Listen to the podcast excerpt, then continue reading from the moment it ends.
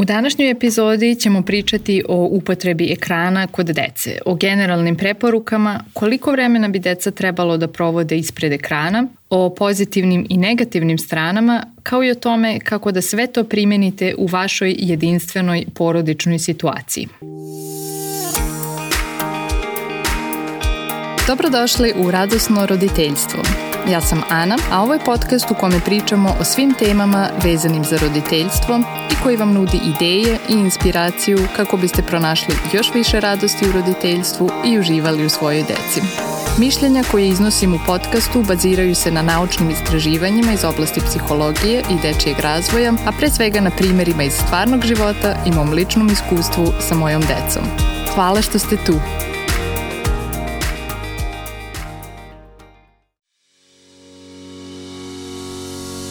Ovo je relativno nova tema. Kada je generacija koja danas odgaja decu odrastala, situacija je bila mnogo drugačija. Nisu postojali pametni telefoni, aplikacije, YouTube, Netflix, društvene mreže, tako da se u ekranima nije mnogo brinulo. Danas moderna tehnologija brzo napreduje i menja se brže od istraživanja njenih uticaja – Zbog toga naučnici kontinuirano pokušavaju da bolje shvate efekte upotrebe nove tehnologije na razvoj dece i prema tome formulišu preporuke. Ovo je dosta kompleksna tema. Roditelji me često pitaju šta da radim u vezi sa ekranima i mislim da ne postoji jedan jasan odgovor koji važi za sve porodice, o čemu ćemo pričati malo kasnije. Ali hajde prvo da pogledamo koje su preporuke u vezi sa decom i ekranima. Za decu mlađu od 18 meseci ne preporučuje se upotreba ekrana. Izuzetak su možda video pozivi sa članovima porodice. Razlog je taj što je bebama i maloj deci potrebna direktna ljudska interakcija, posebno kontakt očima, da bi učili i razvijali se.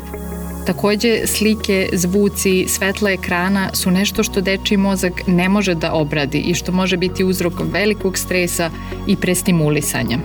Između 18 i 24 meseci takođe nema potrebe za ekranima, ali ukoliko deca počnu da koriste ekrane, to bi trebalo da bude sredstvo za učenje i aktivnost koju radimo zajedno sa detetom, a ne nešto što koristimo da bismo umirili dete, da bismo mu odvukli pažnju ili zabavili dete dok mi nešto drugo radimo. Takođe, programi koje deca gledaju bi trebalo da budu što sporiji i jednostavniji kako bi deca to uopšte razumela. Za decu između 2 i 5 godina preporuke kažu da bi roditelji trebalo da ograniče medije na 1 sat ili manje dnevno i to nekog visoko kvalitetnog programa.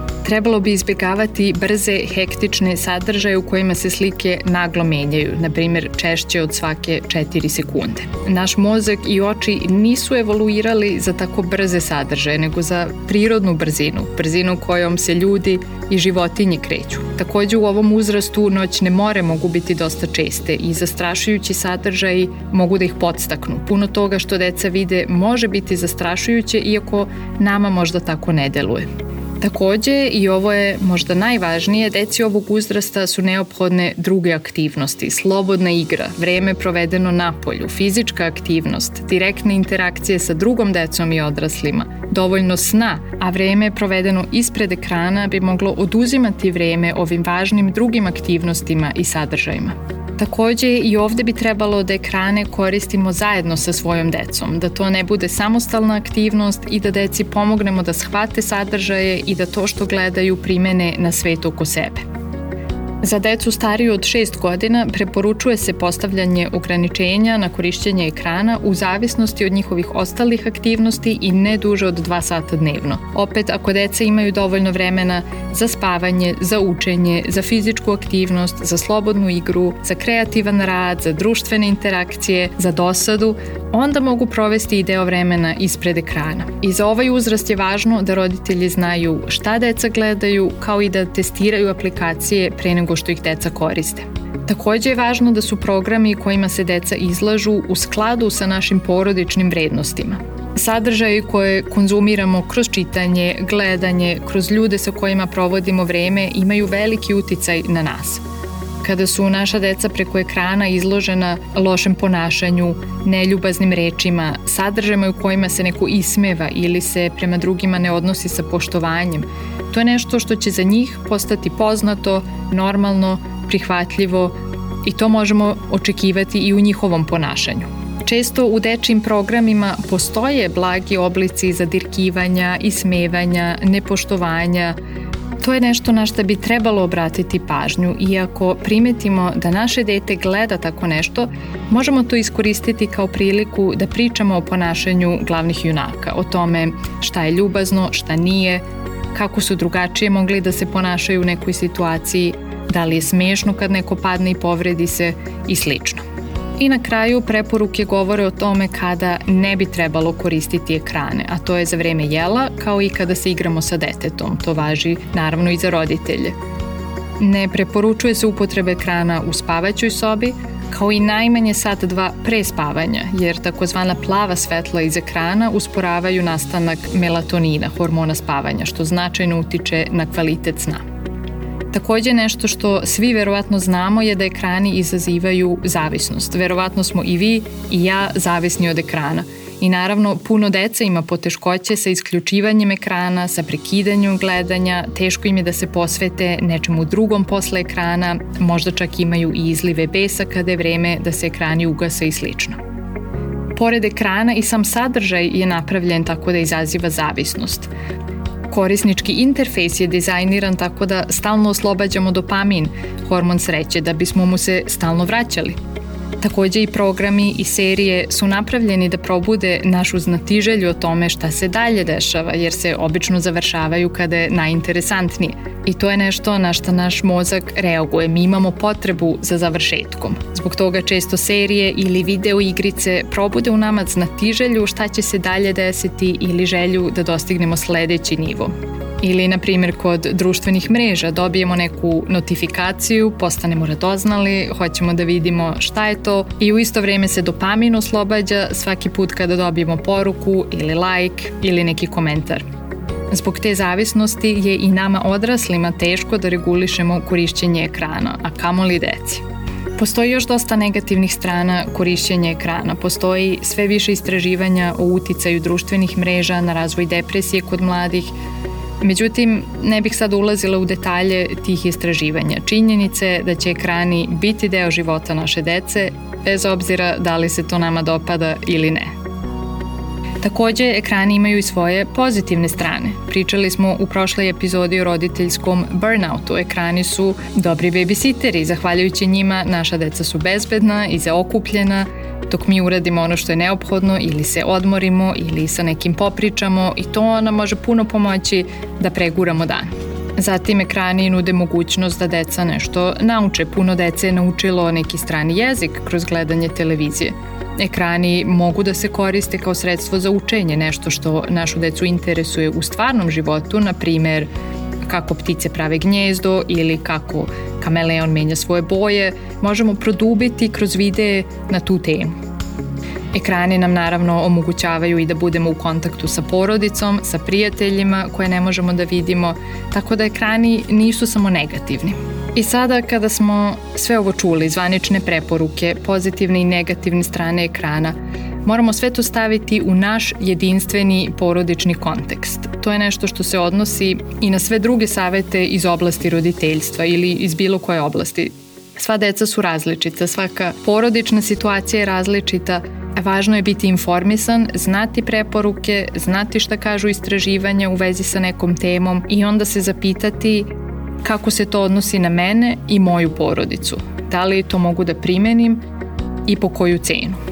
Evo jednog ličnog primera. Kada se moj sin rodio, moja čerka imala tri godine i još uvek nije gledala televiziju. I dok sam ja uspavljivala sina posle ručka, ona se igrala sama. Međutim, proces uspavljivanja je dosta dugo trajao i po 20-30 minuta i svaki malo glasniji zvuk bi mog sina probudio i ceo proces bi počinjao iz početka.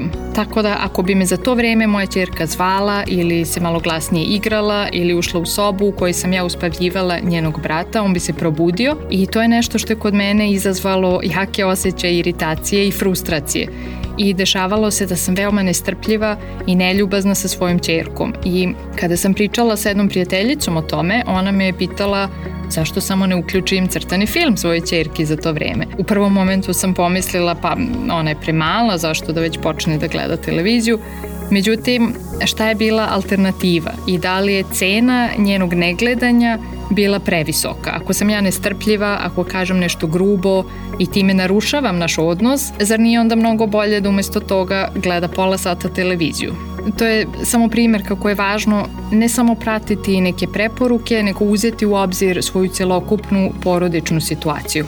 Može da bude i obrnuto, možda smo odlučili da naše dete gleda svaki dan sat vremena i to nam donosi sat slobodnog vremena, ali posle toga dete ima izlive besa kada je vreme da se ugasi televizor ili je mrzovoljno, agresivno i to je nešto što nam oduzima puno energije i vremena posle gledanja, tako da u tom slučaju možda je lakše ne koristiti ekrane. Sve moramo staviti u sobstveni kontekst. Ako smo premorani ili bolesni ili je naš partner odsutan ili deca ne idu u školu, a mi moramo da radimo, to će sve uticati na našu odluku u vezi sa vremenom ispred ekrana. Takođe puno zavisi od toga kako vaše dete provodi većinu dana. Ako ima vremena da bude napolju, da se igra, da čita, da se druži, onda i ako koristi ekrane, to neće oduzeti vreme od ovih važnijih stvari. Ali ako dete provodi veći deo sedeći u školi, pa radi domaći, pa koristi ekrane, onda je to mnogo drugačija situacija. Isto tako zavisi i šta naša deca gledaju. Ako je nešto što promoviše nasilje, loše uzore, neljubazan govor, materialističke vrednosti, nešto jako hektično, onda je to mnogo drugačije nego ako naša deca gledaju nešto što je informativno, zabavno, što ima pozitivan uticaj. I takođe nije loše da se zapitamo i kako i koliko mi koristimo ekrane kada smo sa decom, jer to ima veliki uticaj na odnos koji naša deca imaju sa ekranima. Da li nas deca vide da stalno nešto proveravamo na telefonu? Ili da li je moguće da odredimo vreme u toku dana kada ne koristimo telefon? Za vreme jela, kada se igramo sa decom, kada smo na igralištu i slično. Ili barem da kažemo deci šta radimo na telefonu, pišem poruku, plaćam račun, tražim recept i slično kako bi deca razumela da kada smo na telefonu radimo puno različitih stvari, jer inače iz njihove perspektive sve izgleda isto. Tako da ekrani su deo naše stvarnosti i neophodan deo budućnosti naše dece i nije uvek lako naći neku sredinu, koristiti tehnologiju, a pri tome sačuvati zdrav fizički i psihički razvoj naše dece. Kod nas u porodici se korišćenje ekrana menja po sezonama. Bilo je perioda kada smo ih koristili više, generalno težim ka tome da ih koristimo što manje. I uvek je bilo nešto što je predvidivo kada, gde, koliko dugo i koji programi se gledaju. I to je nešto što je pomoglo da izbegnemo stalno kenkanje i pitanja kada mogu da gledam. I takođe nismo koristili ekrane kao kaznu ili kao nagradu. To je jednostavno nešto što ponekad radimo, nešto čemu se trudim da sve skupa ne pridajemo veliki značaj. Kako se u vašoj porodici koriste ekrani i koji su najveći izazovi pri tome? Javite mi. Najbolji način da stupite u kontakt sa mnom je preko web stranice radosnoroditeljstvo.com.